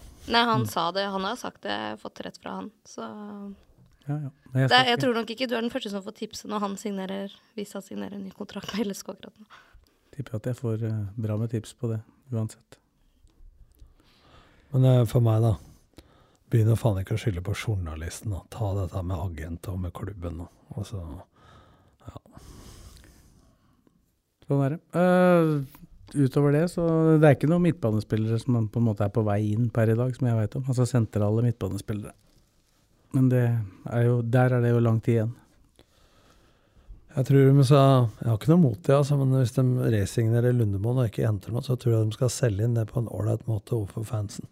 Tror du, det, tror du det er mulig? Nei, det, jeg la det fram som en utfordring. Kommer an på hvem du snakker med, tenker jeg. Sånn, det tror jeg de er veldig klar over i tilfelle. Ja. Men eh, det, det skal jo sies at den som kjører, på en måte tar den avgjørelsen nå, det er jo 100% mer eller mindre treneren. Ja. Det er treneren som Så hvis Lundemo blir signert, så er det treneren som har tatt den avgjørelsen. Jeg skulle bli sjokkert hvis det ikke var treneren. Hadde det vært meg da noen bestemte at eh, han skal vi ikke ha med, og jeg vil ha han med, så hadde jeg pakka veska. Jo da, men den har vært veldig åpen hele tida. Uh... øh, Ja, ja, men eh, jeg skjønner at hvis det er en ung spiller du skal ha med i stallen som skal satses på i mange år etter at trenernes kontrakt er ferdig, ja. Men dem som skal prestere mens treneren er der, det må treneren få lov å velge, altså ikke sportslig leder. Nå snakker jeg generelt eh, alle klubber. Det blei jo Jeg tror neppe noen sportssjef henter en spiller som treneren ikke vil ha, for å si det sånn. Nei, ikke på, når vi har kommet så langt og nærmer oss sesong, så er det kanskje jækla dumt å gå imot treneren der. Ja, men selv om det hadde vært tre måneder til, så Det må være før han er ansatt, da, i så fall at han skal klubben ha. Det er tross alt han som sitter med sportslig ansvaret, og får ros eller sparken. Ja, men her er det jo snakk om Skal de da gå for noe annet som de mener er bedre, eller altså prøve å finne noe som er bedre? For det er jo det er som jeg sier, det er jo det, du, det, er jo det casen her er. Du må finne, er for, du må finne noen som er bedre enn ja, ja, det, er Bjørn Hoff, det, jeg er for, det jeg er redd for, er at det blir for mange på omtrent samme level. da. Ikke sant? Du har Karlin, og du har eh, Det er ikke noen som stikker seg fram, da, utenom Hoff i, i god form. Så ja. Ja, men, det er, Kan bli for jevnt. men du, du sa jo for ca. et år siden da han ble signert, at det var en perfekt signering for LSK. Ja, da, det, det mener jeg fortsatt. Ja. Men altså, skadeproblemet sånn utover høsten. Men når han var i form, så var han jo en av LSKs klart beste spillere. Det må ikke folk glemme. Nei, nei. Og måten de skal spille på nå, så vil den passe bra. Ja, ut fra hva han sier sjøl, så er det vel mer eller mindre optimalt uh, måte å spille på, for, sett med hans øyne. Da. Så gjenstår det å se. Det, men, det mener jo Lundemo, at det passer han veldig bra. Ja, han, altså- kan jo, han kan jo teoretisk sett også spille indreløperrollen. Men så må jo spillere også tenke Nå kaster jeg en brannfakkel for det. Det er mange som syns de øvelsene er morsomme, og den fotballen passer best, for da får jeg ballen mye. Men hva er det mest effektive for laget, og for å nå resultatmåla? Det tror jeg trenerne skal ta seg av mer enn spillere, for å si det sånn. Ja da, det, sånn er det. Men uh, sånn blir det nå. Skal vi gyve løs på LSK kvinner, da? De spilte jo mot uh, Vålerenga. Ja, de tapte 2-1. Eks-LSK-spiller skåra vel? Gode? Gjør det ikke det? Eh, Det skal jeg faktisk ikke påstå at jeg vet, men det var i hvert fall eks-Vålerenga-spiller som skåra for LSK, Camilla Ja. Husby. Ja, og eks-LSK-spiller for Vålerenga. Så Jeg så ikke matchen. eh, Kanskje du gjorde det, Sves? jeg fikk egentlig ikke gjort det, for jeg ble opptatt med et møte. Jeg, så det var egentlig planen at jeg skulle sett hele kampen, så jeg kom bare inn. Er de hjemme fra La Manga nå? Ja, dette ble Dette var i LSK-hallen. Ja. Før, før Ja. Lillestrøm-matchen. Den gikk rett før LSK Sandefjord, da. Ja. Så mm, Cecilie Fiskerstrand ble valgt å ikke spille, så det var vel vil vel, ikke, vil vel ikke overdrive hvis vi sier at 2-1-målet til Vålerenga det hadde vært mulig å avverge. Det var jo Tiril Eriksen som sto da. Men, eh, og den første skåringa til Vålerenga var et straffespark som eh, kanskje ikke var det klareste heller. Det er seriestart for damene før Ja, de åpner allerede 16. mars, dem. ja. De har, apropos kamper og spille inn lag og sånn, de har jo faktisk bare to treningskamper igjen. Så det, for nå er det jo landslagspause der, og da veit du hva som skjer med toppserielag. Da er det, jeg tror notert, det var tolv fra LSK kvinner som skal på landslagsoppdrag, så det, da får du ikke trent så mye. Det gror. Det Verken på det ene eller det andre. Og de starter samme dag som eh, LSK har treningskamp til, da. Ja, det er vel LSK Odd den dagen. Stemmer. 16. mars. Så da spiller LSK herrelag klokka 12, og dem 16.45. Og det er i hallen, det òg. Ja, begge går i hallen, ja. Men de må jo spille såpass tidlig som Jeg bare lurer på når eh, Åråsen skal være klar i generalprøven, da, eller? Det er ikke eh, Hvem er det de har i siste kamp? Stabæk. Ja. Det er ikke bestemt eh, om den går på Nadderud eller på Åråsen. Det kommer litt an på hva som skjer. Men den vinteren vi har hatt nå, så tror jeg ikke vi skal konkludere med noe som helst. Det eneste jeg Nei, vet, er men, at men eh, det må jeg si at uh, i hvert fall de banemennene som jeg har snakka med, da, er mer fornøyd når det er mye snø. For det isolerer litt. Holder det pakket. Ja, eh, det er verst hvis det smelter og blir liggende en sånn islag oppå, det blir, og sola står på isen, så er det oftere blitt eh, isbrann. nå. Men sånn som det er nå, da. Nå regner det katter, og så blir det is, og så blir det minus ti, og så er det pluss fire. Så jeg vet ikke helt hvor er det er på gresset. ja, men, ja, men det, er, det, er, det er derfor det er bra at snøen er så, så mye snø som det er. Ja. For hvis det hadde vært ned på isen Det blir som et forstørrelsesglass hvis du tenker deg sola ned på, på isen. Og det ofte folk gjør, er at de er mange som he- heller på sand. For det er små steiner i sanda når sola begynner å ta, for da går jo det gjennom isen. Men da har jo duk og sånn, og varmelamper og så ja. Men nå, fra og med i dag så er jo været som sådan ikke eh, veldig påvirkende, for nå er varmen satt på. Først, I forrige uke ble det satt på ute på treningsbanen. Og i dag, så vidt jeg vet, skulle de sette på på hovedbanen på Åråsen. Eh, For landslaget skal jo dit. Det er det som er litt uh, utfordringa, at LSK ikke får brukt den treningsbanen eh, like mye i starten her. Men etter at landslaget har hatt uh, kampene sine, så For nå har de jo ikke to, de har bare én bane nå. For den andre skal jo bygges, eh, eller gjøres ferdig til våren. Man sa jo det til eh, banemannen i fjor, Terje Veding, at det var litt flaks også at Åråsen var såpass bra, for du kan få isbrann, du kan få sopp osv. Så, videre, så de er mer glad i snø og duk enn is. Ja, og så har det jo noe å si hvordan banen mm, Den siste kampen, hva, hvordan er status da? Er det kulde eller er det ikke? Og i 2022 så var jo sesongen ferdig midt i november pga. VM. Og da var jo banen helt eh, topp. Mens nå var det jo Den Odd-kampen var det jo frost i bakken når eh, den ble, den ble spilt. Da er det lett at spora sitter igjen. Ja, du, banen forandrer seg, ikke under snø og is. Men eh, da, at dameserien starter så tidlig, da, det er jo utfordring for noen som ikke spiller i hall. Da. Men det er mye kunstgressbaner, da. Bare det- vel noen eh, Det kan være ganske kaldt ute 16. mars, altså. Ja, men jeg tenker på det, i toppserien så er det vel ingen gresslag nå? er det? Stabæk har lagt kunstgress. Så Ja, det er jo lett å få- Avaldsnes har vel ikke det lenger, dem heller? Og de rykka jo ned, de Ja. forresten. De ble jo Ja. flytta ned, dem. De har slått seg sammen med FK Haugesund. Dem. Ja, skal det, betyr det at de skal spille på Haugesund stadion, da? Yes. Ja, men da har de gress. Ja, men de er ikke i toppserien. Nei. Så det er jo lettere å få fram en kunstgressbane da, enn å få en gressbane, i hvert fall med de som ikke har den gode banemennene. Det var jo kåring der, eh, var det ikke kåring av spillere hvor den beste banen var å spille på? Det var Haugesund Foran Åråsen. foran Åråsen. Så da har Åråsen må jobbe. Gress, gressbanene. Ja, men den var helt ny, den der borte. Hybrid, Ja, ja, men den var bedre. Hybridgress. Den var bedre. Is Du fyrer opp under noe som ikke er Åråsen er suveren. Du må ikke klage på Åråsen. Nei, den er helt overlegen, den, da. Ja. Ja, ja. Og så er den litt mer intim stadion, så det er morsommere å se match der. Men LSK skal fortsatt så kvinner spille i hallen. ja. Jeg har ikke, har ikke hørt noe annet. Nei, så Bergdølmo har eh, to kamper igjen, da. Ja, de skal spille De har jo mista motstanderen sin i den andre, den nest siste kampen hjemme i LSK-hallen der. Eh, Det er vel 2. mars, det, da. Da skulle de egentlig møtt Ørebro. Men de har så økonomiske problemer at de hadde ikke råd til å reise til Lillestrøm og spille. Er, Ikke råd til buss, altså.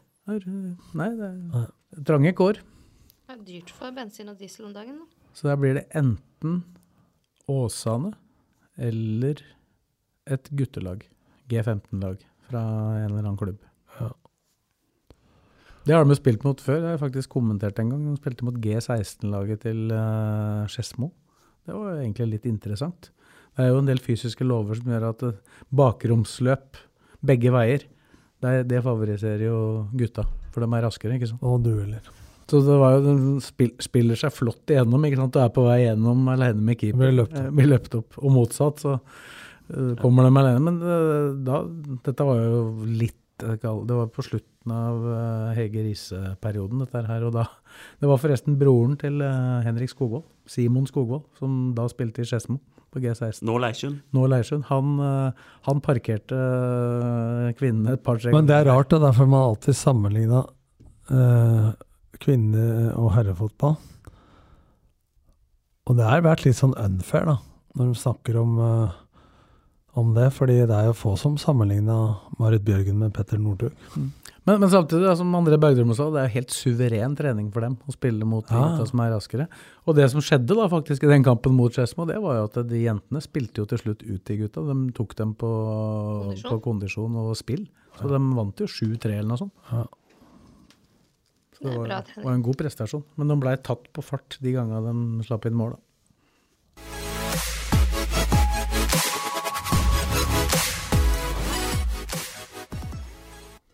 Da er vi egentlig over i lokalfotballavdelingen, men en litt sånn glidende overgang der på noe vi glemte, Kristine. Vi, det blei jo snakka en del om Emil Baron.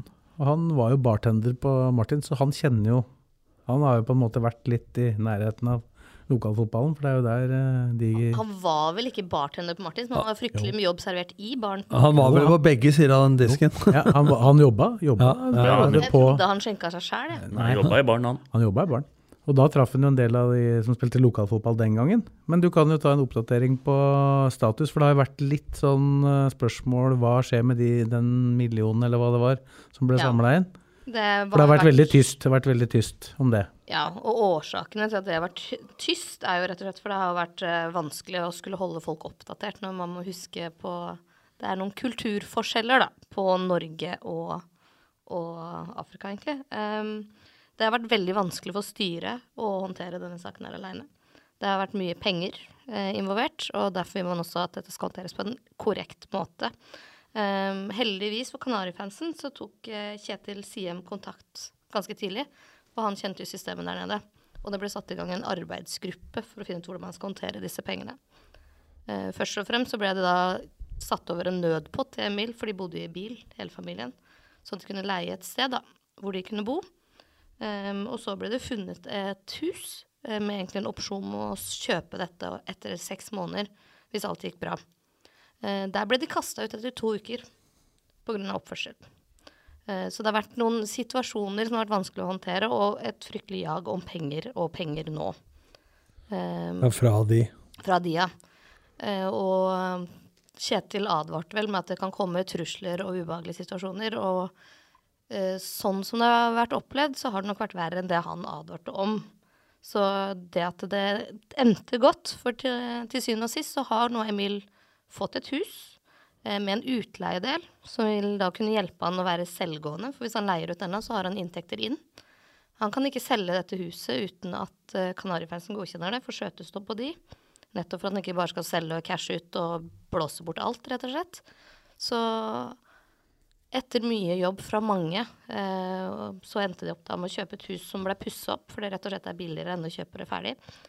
Um, og jeg tror de har vært på randen til å gi opp det samarbeidet, rett og slett pga. mye greier som man da ikke Når du sier de det, er det Kanarifansen-styret, eller arbeidsgruppa. De sa vel det på årsmøtet, og at det har vært den saken med desidert størst uenighet innad i styret, da.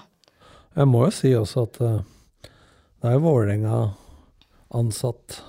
Ja, det skal sies at det her er eneste gang i sannsynligvis Kanarifansen og Vålerenga eller klanen sin historie at vi har hatt uh, noen som er så godt knytta til det andre laget, da jeg må, si, jeg må, jo gi blomster til Kjetil Siem, da. Absolutt. Med sitt kontaktnett som viser en menneskelig omsorg og bryr seg. Mm. Og hjelper Kanarifansen. Og så legge bort det der eh, forholdet ja. Vålerenga-Lillesund. Det skal jo for så vidt sies at han kom vel inn i den saken før han begynte i Vålerenga igjen, da. Ja, men, han, men allikevel, han uh, stilte opp på Kanarifansen sitt årsmøte. Uh, han holdt et uh, ja, vi kan jo si et innlegg hvor han forklarte sin involvering i situasjonen og denne Ubuntu Foundation, da, som endte opp med å, å, bistå der nede, som han kjente fra før.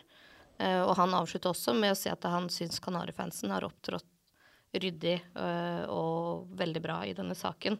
Uh, så det er veldig fint at vi kan ta det fotballmessige ut, for det her handler om det menneskelige. Og her har vi rett og slett redda et liv. Um, så der skal alle som har bidratt, få blomster, og Kjetil får blomster, og Kanarifansen og den arbeidsgruppa også helt klart få creds.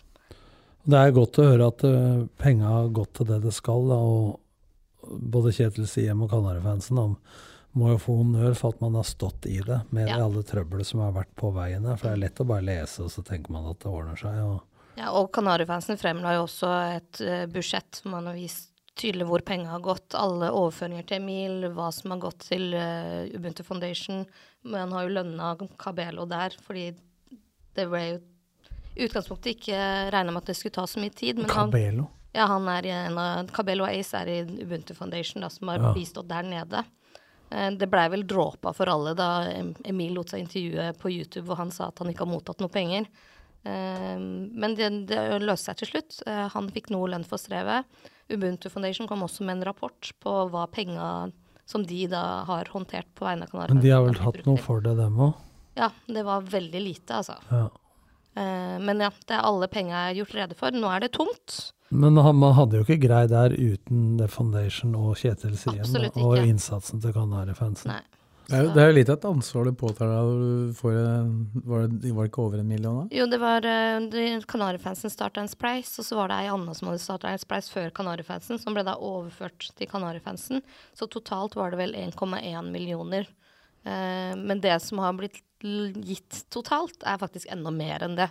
Foundation endte også opp med å dekke noen kostnader sjøl og sånn. Det, det å ta over ansvaret for eh, så mye penger som er egentlig andre sine gaver, da. Det er jo ikke det er, tror, Du skal holde tunga rett i munnen ja, da. Jeg tror ikke folk vet hvor stort det ansvaret er. Og jeg vet ikke om uh, Kanarifansen ville gjort det igjen, hvis de hadde visst hvor mye jobb det var. Men jeg er veldig glad for at de, de gjorde det. Og det håper jo virkelig at det, Emil benytter denne muligheten til å starte litt på nytt, da.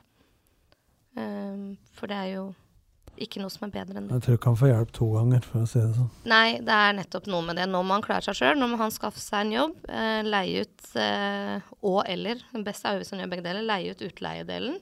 Så har de, da har man gitt noe, noe å fiske med, så nå får han klare seg sjøl. Rett og slett. Da sier vi lykke til. Ja. Eh, ellers så var det jo ikke så mye som skjedde på årsmøtet. Vi tok jo Emil-delen først, sånn at Kjetil skulle slippe å være med på årsmøtet til Kanarifansen. Det hadde jo blitt eh, ekstra spesielt. Um, det eneste var vel at uh, det var samme styre som stilte til gjenvalg, med unntak av TIFO. Eh, han har gjort en strålende innsats. Det jo TIFO, er det det som har vært ansvaret hans, eller eh, navnet hans? Ja, nei, det er han som har hatt ansvar for TIFO. Thomas Holt. Eh, de fikk jo kåringa TIFO har slutta. Så det har vært vanskelig å skulle finne en erstatter der. Så da blir det jo styret som sikkert setter opp en arbeidsgruppe eh, for å ordne det. Det blir jo mange av de samme som har bidratt, som fortsetter å bidra. Så det er ikke bekmørkt.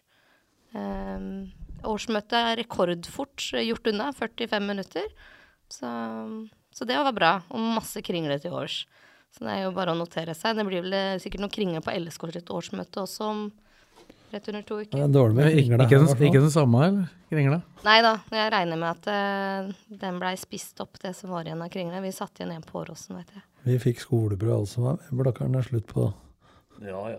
Det er kringle med krem, da. Det er jo mandelfyll og gul krem, så Ja. det blir ikke så mye bedre enn det.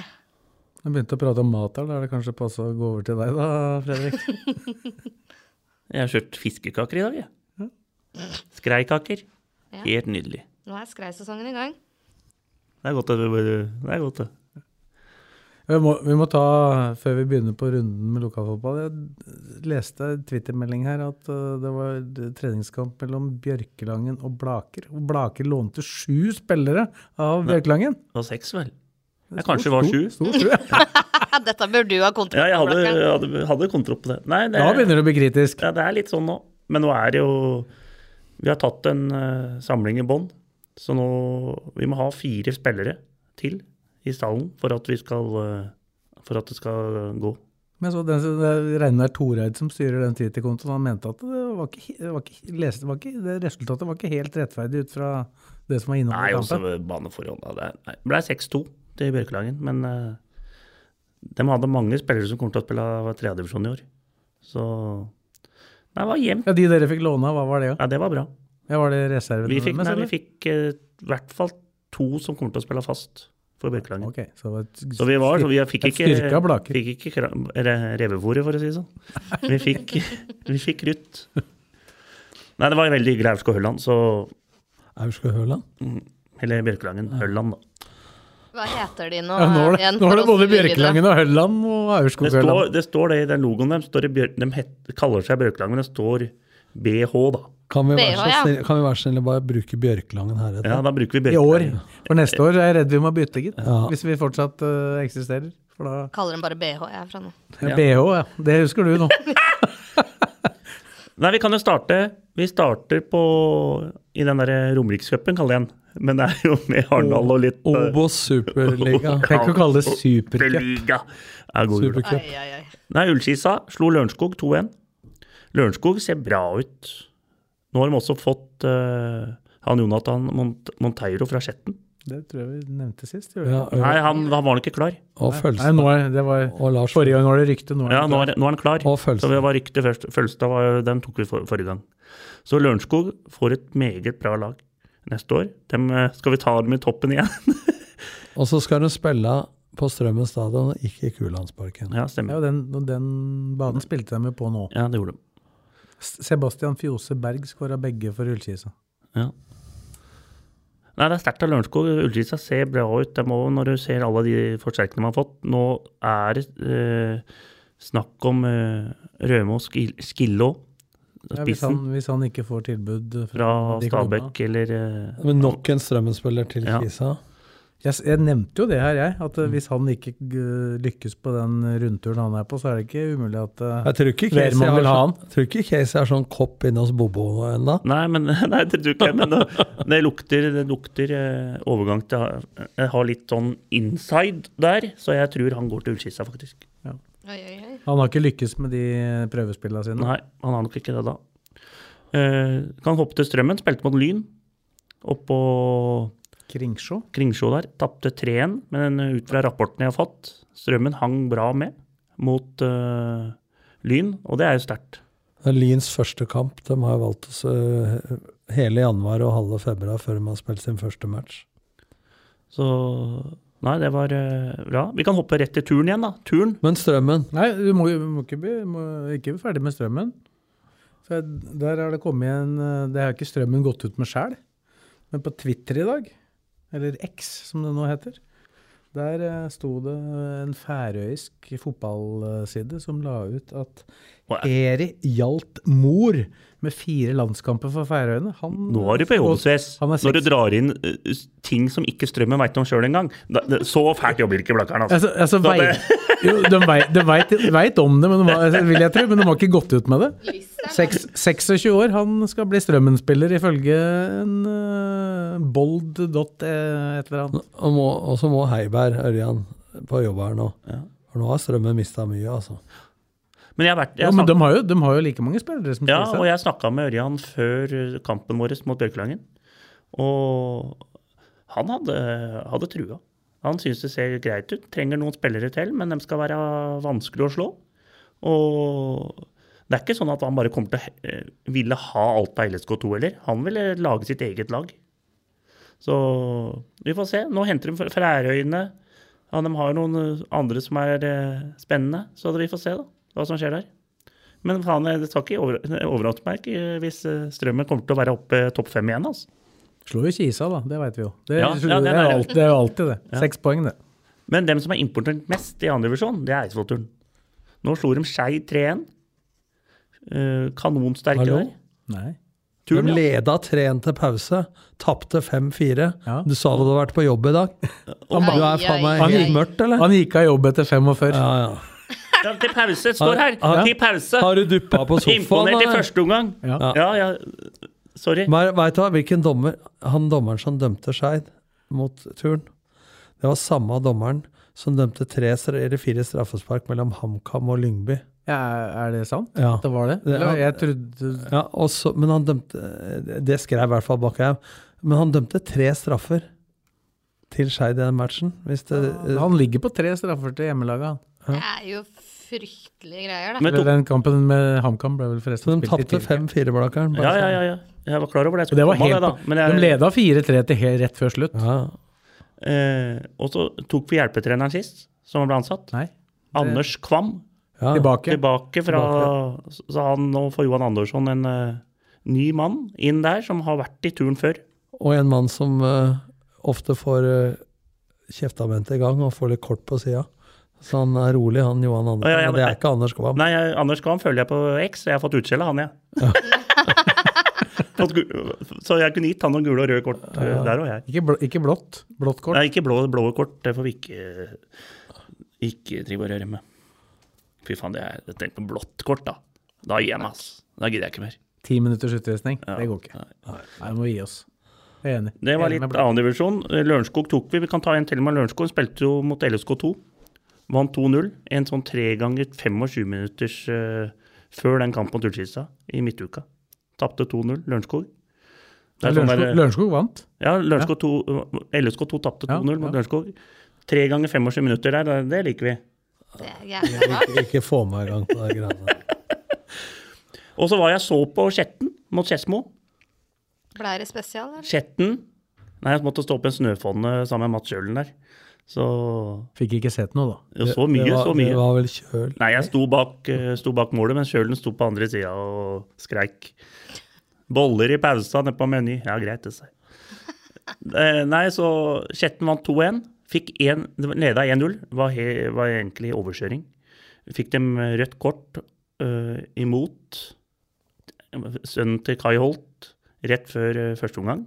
Og en straffe. Som far så sønn. Og så fikk de straffe rett etterpå der igjen. sier- er- Det var 1-1 til Hvor mange pause. røde kort har uh, Skje- i løpet av året? Nei, vet da faen, jeg, men kommer til, å få, kommer til å få noen i år òg, i hvert fall. Uh, men det ble 1-1 til pause. Da trodde vi at Skedsmo skulle ta over den kampen, men eh, Skjetten var helt overlegne og vant annen omgang 1-0 og vant to kampen 2-1.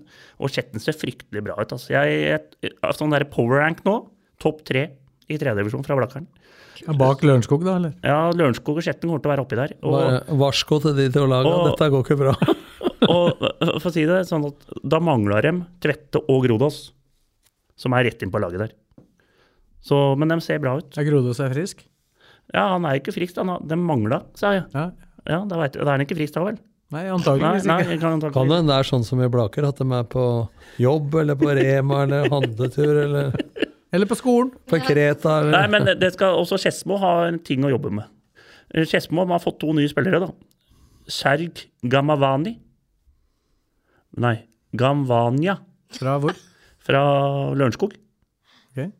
Og så har han fått eh, Adam Halås fra en Oslo-klubb, en gammel eh, fra Gjerdrum.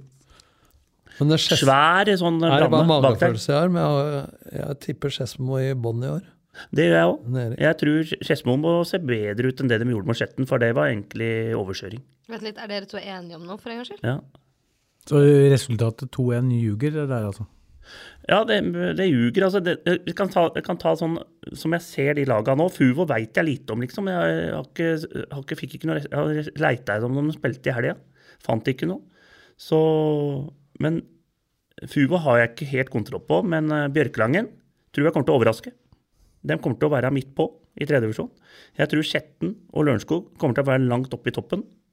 Og jeg tror eh, Skedsmo kommer til å være der nede. Gjelleråsen. Gjelleråsen. Gjelleråsen også der nede. Dem skal vi komme av til nå. Ja. Gjelleråsen sikkert. der må du kanskje først eh, legge deg litt flat der, da. Ja, der må vi legge oss flate. Vi drev og røra sist. vi. Jo, Nei, du òg, jo. nei. Jo, jo, vi tar med Nordlien der. satt jo- Nordlien er inne der! Jeg satt jo og leste Nei, resultatene fra nettet. nei, nei. For du sa de ikke hadde spilt. Du, du sa at de var dårlige på sosiale medier. Ja, ja. Og Og så, og så tok Tom og slo Ja, opp Da og da prøvde jeg å antyde at det må være noe nytt. ja, ikke sant? Og da Jeg fikk jo meldinger om dette, da. Men Jeg kan jo få lese opp Ja, jeg deg, vet men det. Hansen. Ja, Jeg- men det syns jeg er lettere å fortelle. er jeg, jeg, jeg legger meg helt flat, Det jeg. jeg er Gjelleråsen er en av de beste på, på sosiale medier. Det, det, Lytt, lytterklage. Jeg fikk tilbud at Blakeren er mer glad i å sitte på Morten Skro og spise kjøttkaker. Det er jo riktig. Ja, det er jeg. syns du ikke lytterne fortjener det. Og det er på Gjelleråsen. Det er mer Du, kjøttkaker enn ball. Daglig- daglig det, det, leder. det, er før du sier det, Tom. Han kom, han kom jo aldri til Li. Han, Nei, nei. han stopper jo på Mortens Skro. Du må ta den der svingeren ved Hellerudsletta der. Kjøre den veien. Raymond Johansen, daglig leder i Gjelleråsen, har det blitt svaksynt med åra? Dere kan ikke hugge huer i studio uten å ha på briller med styrke 2-0 og høyere. Utenom det håper jeg han står bra til. Blakeren er for opptatt av kjøttkaker. Morten Skros. Ja, men det er riktig, det. At, men vi har, nå har vi lagt oss flate. Men Men Men, men, men nå kommer du med en ny Ja. salve til Gjelleråsen. For Nei, jeg, jeg ja. så litt på den Frigg Gjelleråsen som gikk i LSK-hallen her. Den titta jeg litt på. 9-3 til Frigg. Ja. Og uh, Frigg rykka opp, da, men uh, det er uh, Nei. Nei, ikke eh, turen. Nei, Frigg rykka ned. Ja.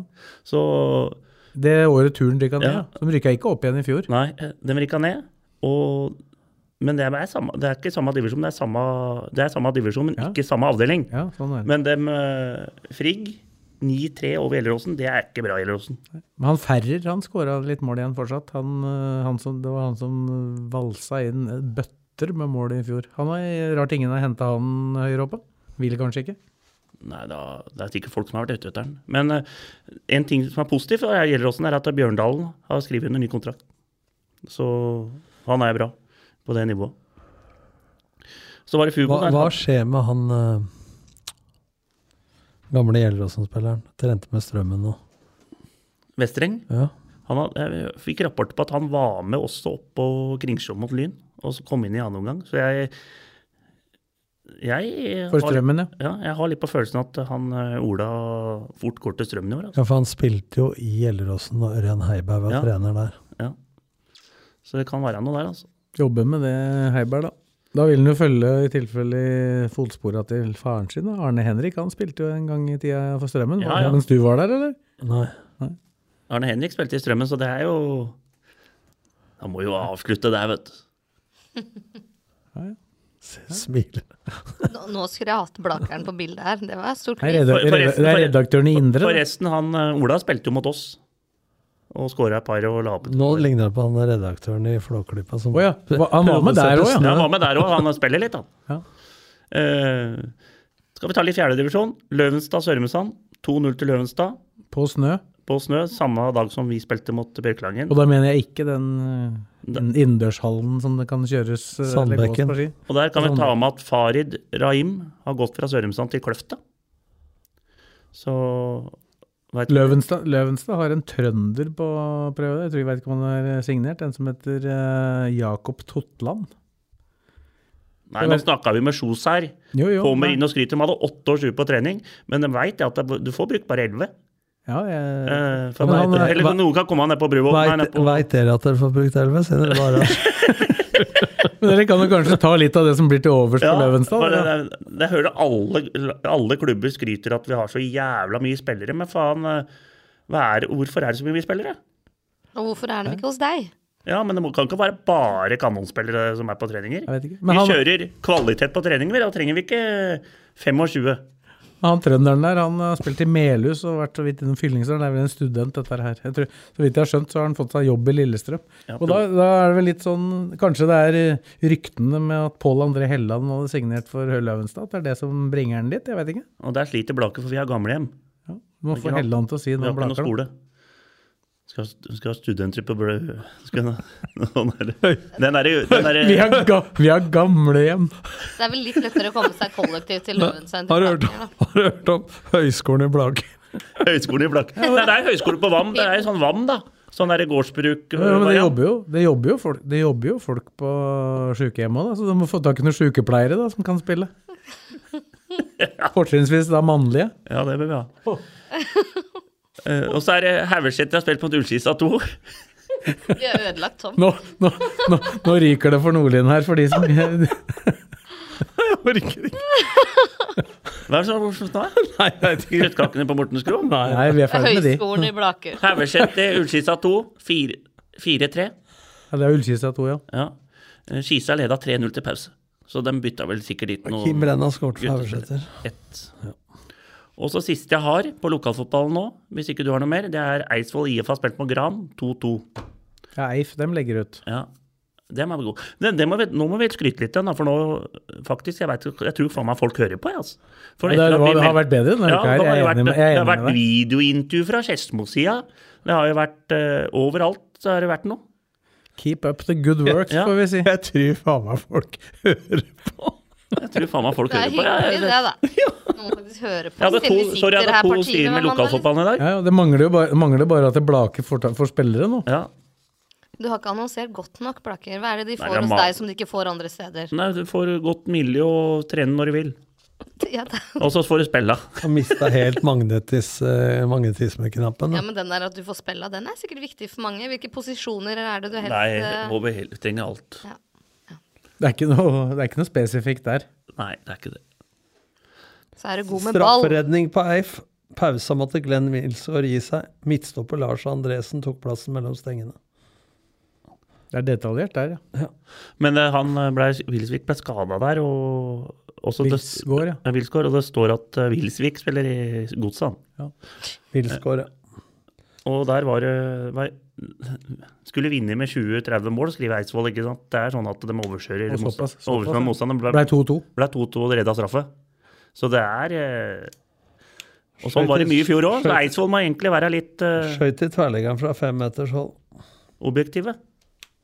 Er det vel det heter. Ikke å De overkjører ikke alle motstander. Jeg har sett dem før. Gud redder straffe, Blakeren skårer på redderen Ja.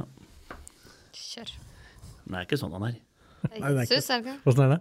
Hæ? Hva som var det? Faen, jeg den. Hvis ikke du kan! Jesus reddet alt, men Blaka nikka inn returen. Ja. Sånn var den. Det var ikke Gud, så det var bare såkalt Han hadde bare fire armer, han redder alt. Det var, bare, det var sønnen, altså. Det var, Det var ikke, sønnen, det var det var ikke han på toppen. Det var Jesus. Ja. Han er sterk, han òg. Han fra Blaker òg. Ja. Nei, nå tror jeg vi Legger på. Det blir bra på Blaker. Ja, ja, ja. Nå ruller ballen videre. Skal vi si at det er bra? Så kommer vi plutselig tilbake, vi. Da sier jeg Neste- Hvis du ikke har noe mer, Fredrik? Nei, jeg har ikke noe Jeg skrev ikke opp noe mer da. Altså. Jeg har orden i papiret, altså. Nei, det er ikke noe mer. Elsker reiser jo til Marbella nå, så da høres vi på telefon om ei uke. I tilfelle. Ja. Ja, skal vi si det? Så Når hun drar LSK, torsdag. og du drar, Torsdag. og er borte til Søndag. Uka etter. Ja, så det er bare én pod vi har her på telefon? Ja, holder det. Ja, ja. Det Det er jeg enig i. Det får holde, det. Det er ikke noe kamp før onsdag denne uka, men eh, vi, har, får vel, vi, så vi får ikke noen ny kamp å prate om. Men det, vi klarer vel å finne på noe uansett, hvis jeg kjenner Det er jeg redd for. Kan hende deg god kan- tur, da. Kan hende vi får en legeavhandling eller et eller annet. Ja, ja. Reiser, eh, reisebrev fra. Kan vi få, det var framgang på lokalfotballen, nå kan vi i neste pod få sluttresultatet, ikke bare pauseresultatet. Nei, men det er men det, det blir jo avbrutt hele tida. Jeg hadde full kontroll, men det er jo, blir jo avbrutt du, hele du sa du, du, du, du, tilbake, så sier du Vant 3-1. Eidsvollturen Ja, vant men 3-1. Pleier jeg å si mye riktig, eller? Vant 3-1 til pause. pleier, pleier, pleier ikke å ha noe feil? Fakta og sånn? Innimellom? Jo, jeg gjør det. Det er litt imaget ditt, da. Ja, det er litt, for Hvis jeg skal alt være rett, så blir det mye problemer. hadde ikke hatt mye ja. Nei. Fredrik har et image å ta vare på, så han sier litt feil litt sånn bevisst. Da. På vilje. Ja. Ja, gjør det. Greit. da. Nei, men Takk til Fredrik, takk til Tom og takk til Kristine, og takk til deg som hørte på. Og så er vi tilbake i neste uke. Ukens annonsør er HelloFresh. HelloFresh er verdens ledende matkasseleverandør og kan være redningen i en travel hverdag. Mange av oss har nok vandret i butikken både sultne og uten en plan for middagen, som ender med at vi går for de samme kjedelige rettene gang på gang. Middag burde være dagens høydepunkt. Som HelloFresh kan du nå velge mellom 25 ulike retter hver eneste uke, eller få HelloFresh til å sette sammen menyen for deg. Dette gir deg muligheten til å prøve nye og spennende retter alene eller sammen med familien. Du velger antall porsjoner og får alt levert på døren på et tidspunkt som passer for deg. Oppskriftene er enkle, og maten er lett å lage både for store og for små. Ved å få alt levert hjem får du også mer tid til å dele matgleden med familie og venner. Kanskje det frister med asiatiske tacos eller greskinspirert kylling? Da kan jeg anbefale deg om å gå inn på hellofresh.no. Her kan du bruke koden FOTBALL og få opptil 1779 kroner i rabatt på de første fem matkastene hvis du ikke har prøvd HelloFresh tidligere. Du kan også bruke rabatten hvis du har vært kunde og stoppet abonnementet ditt for tolv måneder siden eller lengre. Gå inn på hellofresh.no og bruk koden FOTBALL. Har du et enkeltpersonforetak eller en liten bedrift? Da er du sikkert lei av å høre meg snakke om hvor enkelt det er med kvitteringer og bilag i fiken, så vi eh, gir oss her, vi. Fordi vi liker enkelt. Fiken superenkelt regnskap.